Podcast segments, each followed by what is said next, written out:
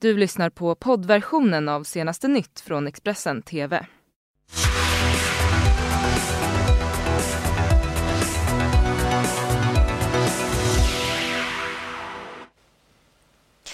God morgon, det är lördag. Vi är igång här på Expressen TV och det här är våra senaste rubriker. Smset inifrån lastbilen som krävde 39 människoliv. Miljardär, miljardärsfruns försvinnande hade planerats i ett halvår. Och hon tvingades lämna Idol. Expressens Elinor Svensson ger er allt om dramatiken. Men vi inleder i London. 26-åriga Tramy från Vietnam befaras vara en av de 39 människor som hittades döda inne i lastbilen i Essex i onsdags.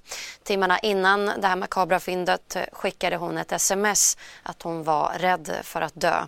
Utredningsarbetet fortsätter nu och igår kväll så rapporterade Sky News att totalt fyra personer har gripits.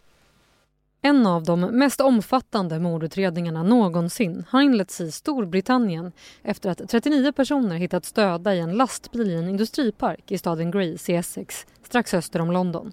Arbetet med att identifiera de 39 personerna har påbörjats och enligt polisen är samtliga, varav 31 män och 8 kvinnor, kinesiska medborgare. Enligt The Telegraph hittades de döda i ett kylutrymme bak i trailern till en långtradare. Där kan temperaturen bli så låg som minus 25 grader och enligt källor till tidningen så är det troligt att de 39 personerna dog av nedkylning. Det är fortfarande inte känt när och var offren placerades i containern. Nu återstår ett långt och minutiöst arbete, polisarbete på flera plan för britterna här. Till att börja med för kropparna, de 39 kropparna som har förts till Tilbury Docks där de nu ska balsameras och göras så värdiga som möjligt som polisen underströk igår för man kan räkna med en lång lagring av dessa kroppar tyvärr under tiden som undersökningen fortskrider. Och här handlar det om att gå igenom timmar och timmar och åter timmar av övervakningskameror. Den nordirländska lastbilschauffören Mo Robinson har gripits misstänkt för mord. Men enligt källor till The Telegraph med insyn i utredningen så är det högst osannolikt att Robinson kände till människosmugglingen och han ska själv ha larmat polisen efter att ha upptäckt kropparna kort efter att han plockat upp lasten i Storbritannien. Miljardärsfrun eh, Ann-Elisabeth Hagen har snart varit försvunnen i ett år och polisen misstänker att förövaren förberedde sig i minst ett halvår innan den norska miljardärfrun försvann. Där uppger den norska polisen och eh, norska Dagbladet. Den norska polisen uppger att de ska ha hittat vad de tror är förberedande åtgärder som går tillbaka till försommaren 2018. Det mest eh, konkreta spåret eh, de har är ett eh, lösensummekrav på 89 miljoner kronor i norska pengar då i kryptovaluta som skickades till maken Tom Hagen. Polisen har även dokumenterat vissa inköp av till exempel skor och pappersmaterial som styrker misstankarna om att förövarna hade förberett sig under väldigt lång tid. VG rapporterade också under torsdagen att polisens tekniker också har säkrat blodspår i Ann-Elisabeth eh, Hagens hem. Parkeringsbolaget eh, i Göteborg eh, betalade den amerikanska ledarskapscoachen Maria Nemeth 1079 arbetade timmar på mindre än ett och ett halvt år. Nu uppger det kommunala bolagets vd Maria Stenströmer att hon har en, en överenskommelse med Nemeth bakom det skrivna avtalet. Parkeringsbolaget i Göteborg betalade den amerikanska ledarskapscoachen Maria Nemeth 1079 arbetade timmar på mindre än ett och ett halvt år. Nu uppger bolagets VD Maria Stenström att det finns en överenskommelse med Nemet bakom det skrivna avtalet med helt andra villkor. Hon öppnar också för att alla de timmar som Maria Nemet fakturerat inte behöver ha utförts. Hur roligt tycker du det är att Maria Nemet skulle gå på en timtaxa på 1065 kronor i timmen? Men det är inte vad hon gör. Alltså vi, jag, det jag vet är att jag har godkänt ett kontrakterat belopp under en period med en viss sak som ska göras och att hon ska finnas tillgänglig och att vi inte övergår den kontraktsumman och att det vi har beställt har blivit genomfört. Hur det sen är omfördelat och så, det vet jag ingenting om Daniel. Så när man räknar i timmar i fakturan så kan det egentligen vara färre arbetade timmar men, vet du, vi, vi, har köpt, vi har köpt en tjänst under en period, inte timmar. Men avtalet som Maria Stenström skrivit innebär tvärtom att Maria Nemet bara får fakturera de faktiskt arbetade timmarna. Och det är också vad hennes fakturor anger. Så sent som i september fakturerade Maria Nemet parkeringsbolaget i Göteborg för 100 arbetade timmar utan att ha satt sin fot i Sverige. Då vi konfronterar Maria Stenström med vad som står i avtalet öppnar hon för att hennes överenskommelse om en fast summa kan ha omräknats då det blev dags att fakturera. Det står timmar i dina avrop också. Så det är inte bara en kostnad gentemot en liksom så här, kvalitet. Eller så här, eller liksom en... Ja, fast då är det väl en omräknad kostnad till en kvalitet.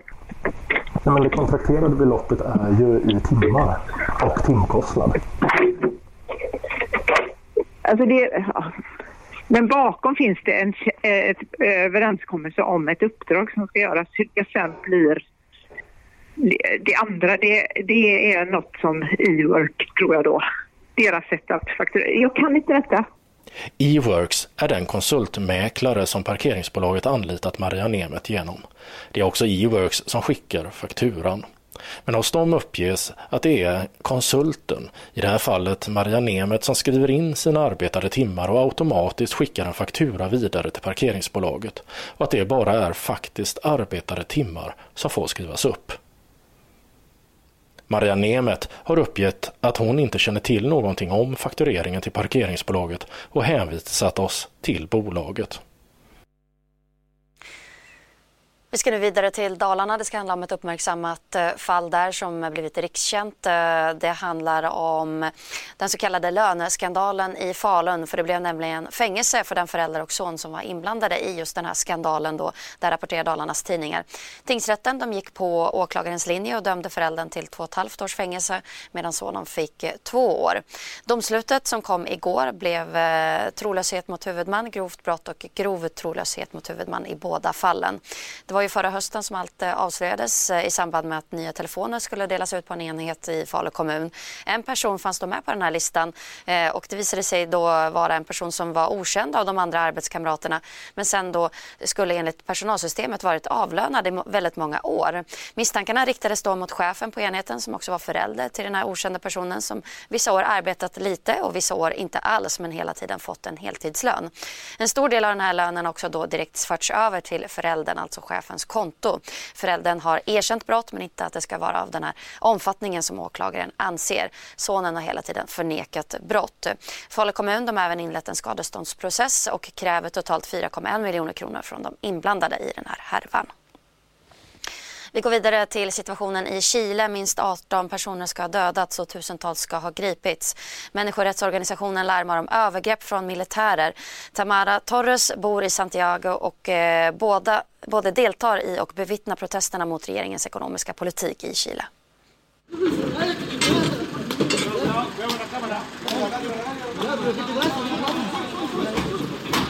Min största rädsla är att folk försvinner och att vi inte vet vad som händer med oss.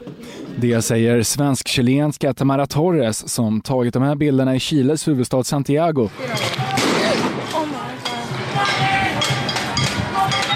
Hon börjar gå tillbaka för det börjar bli kaos här. Som den senaste veckan skakats av oroligheter. Både lokala och internationella medier har rapporterat om dödsfall i samband med de här protesterna som nu har spridit sig till flera städer runt om i landet. Minst 18 personer har dödats, hundratals skadats och tusentals gripits. Det här är protester som också Tamara Torres deltagit i. Hon föddes i Chile men flyttade med sin familj till Sverige 1993. För fyra år sedan så valde hon att flytta tillbaka till Chile igen. Hon menar att missnöjet med regeringens ekonomiska politik i Chile har bubblat en längre tid. Unga chilenare kan inte flytta hemifrån eftersom de inte har råd eller så måste de stötta upp familjens ekonomi. Höjningen av priset i kollektivtrafiken det var droppen som fick bägaren att rinna över. Men det är inte bara poliserna som skrämmer. Gäng och andra brottslingar plundrar, rånar och använder kaoset i stan för ett sätt att trappa upp våldet. Bland annat de som kallas encapuchados. Det är maskerade grupperingar som tros ligga bakom flera bränder där människor brunnit inne. Tamara Torres hoppas att oroligheterna ska lugna ner sig snart och att förhållandena ska förbättras. Och Paulina de los eh, Reyes är professor i ekonomisk historia vid Stockholms universitet och hon menar att eh, de här protesterna är en reaktion på en ojämlikhet som vuxit i landet under flera års eh, tid. Ja, det här är ju den djupaste kris som Chile har upplevt efter demokratins återkomst. Eh, och de här oroligheterna som ni beskriver och som har pågått med ökad intensitet under Eh, en vecka nu har spridit sig he över hela landet och de har fått en väldigt bred uppslutning. Det finns studenter, arbetare, lärare, hälso och sjukvårdspersonal som dag efter dag har gått ut för att protestera inte bara för ökade priser för kollektivtrafiken utan för en ökad ojämlikhet som sedan många, många år liksom har visat sig ha förödande konsekvenser för det chilenska samhället. Så i det sammanhanget, de grupper som eh, på något sätt identifieras som våldsverkare liksom för i demonstrationens spår tror jag har fått en eh, lite för mycket uppmärksamhet jämfört med, alltså med, om man tänker på att de allra största demonstrationerna har varit fredliga eh, och där liksom så är folk har varit väldigt tydliga med sina krav med regeringen. Ojämlikheten är ju liksom någonting som pågår och som hela tiden liksom ackumuleras och på något sätt liksom så det, det skapar förutsättningar för att en liten sak eller liksom så en, en ännu större ojämlikhet kan skapa liksom den typen av konflikter. Det ska nu handla om Idol. 17-åriga Madeleine Tarimaten tvingades ju lämna TV4s Idol igår efter en riktig rysare och efteråt riktade hon kritik mot juryn som hon menar eh, favoriserade vissa av deltagarna. Jag mår helt okej. Okay. Jag har så mycket att se fram emot. Um, har fått så mycket fina erbjudanden av människor som vill jobba med mig. Jag känner att det här är inte, Idol är ju inte hela livet och det är absolut inte slut här, herregud. det är så här, hallå, jag, jag ska vara på scen, där hör jag hemma och det kanske var lite onödigt att säga att de favoriserar men det känns som att de går in med en negativ inställning om folk som har gjort dåligt ifrån sig tidigare eh, eh framförande, framträdande. Och det känns himla, då tycker jag att man ska komma med nytt energi till nästa vecka varje gång. Ny energi, ny spark och bara okej, okay, han kanske skiner ikväll, hon kanske skiner ikväll. Inte liksom bara direkt säga att bara nej men ja men de som jag trodde skulle göra dåligt ifrån sig gjorde det liksom. Och det känns så fel att, att, att tycka och tänka så. Det känns inte bra. Så då, då får man, jag kände redan av den där jag kände ju av det lite. Alltså så här, jag hade varit nere hela veckan, jag hade inte mått så bra, jag var stressad, hade sovit dåligt. Och det är också ett sånt tecken. Jag, på pauserna satt jag och kollade på alla och jag bara tänkte oj, det här är ett tecken på att jag kanske flyger ut ikväll. Mina vingar. Och jag gjorde det med mina fransar och min coola klänning tycker jag. Jag tycker den här är så cool. Alltså den är, det är verkligen jag. Och ja, men jag trodde att jag skulle utmana mig ännu mer, ännu mer, ännu mer och det kanske man ska hålla tillbaka lite då. Men jag kommer absolut... Jag tycker det är fel att säga till en person att man inte hör hemma i en viss genre. För inte alla är pop. Det? Inte alla är pop, det behöver inte jag säga. Men inte men det alla... var någon i juryn? Det är inte alla, jag tänker inte svara på det. Men inte alla är pop. Och det är inte alla popstjärnor. Och jag känner bara att it happened. Allting händer hela tiden och det känns så himla sjukt att det händer så mycket. Men det ska man göra. Fler nyheter får ni alldeles strax här i Expressen TV, så fortsätt titta. Du har lyssnat på poddversionen av senaste nytt från Expressen TV. Till förordnad ansvarig utgivare är Klas Granström. Ett poddtips från Podplay. I podden Något Kaiko garanterar östgötarna Brutti och jag, Davva, dig en stor dos skratt. Där följer jag pladask för köttätandet igen. Man är lite som en jävla vampyr. Man har fått lite blodsmak och då måste man ha mer. Udda spaningar, fängslande anekdoter och en och annan arg rant. Jag måste ha mitt kaffe på morgonen för annars är jag ingen trevlig människa. Då är du ingen trevlig människa, punkt. Något Kaiko, hör du på Podplay. Därför är gardinerna.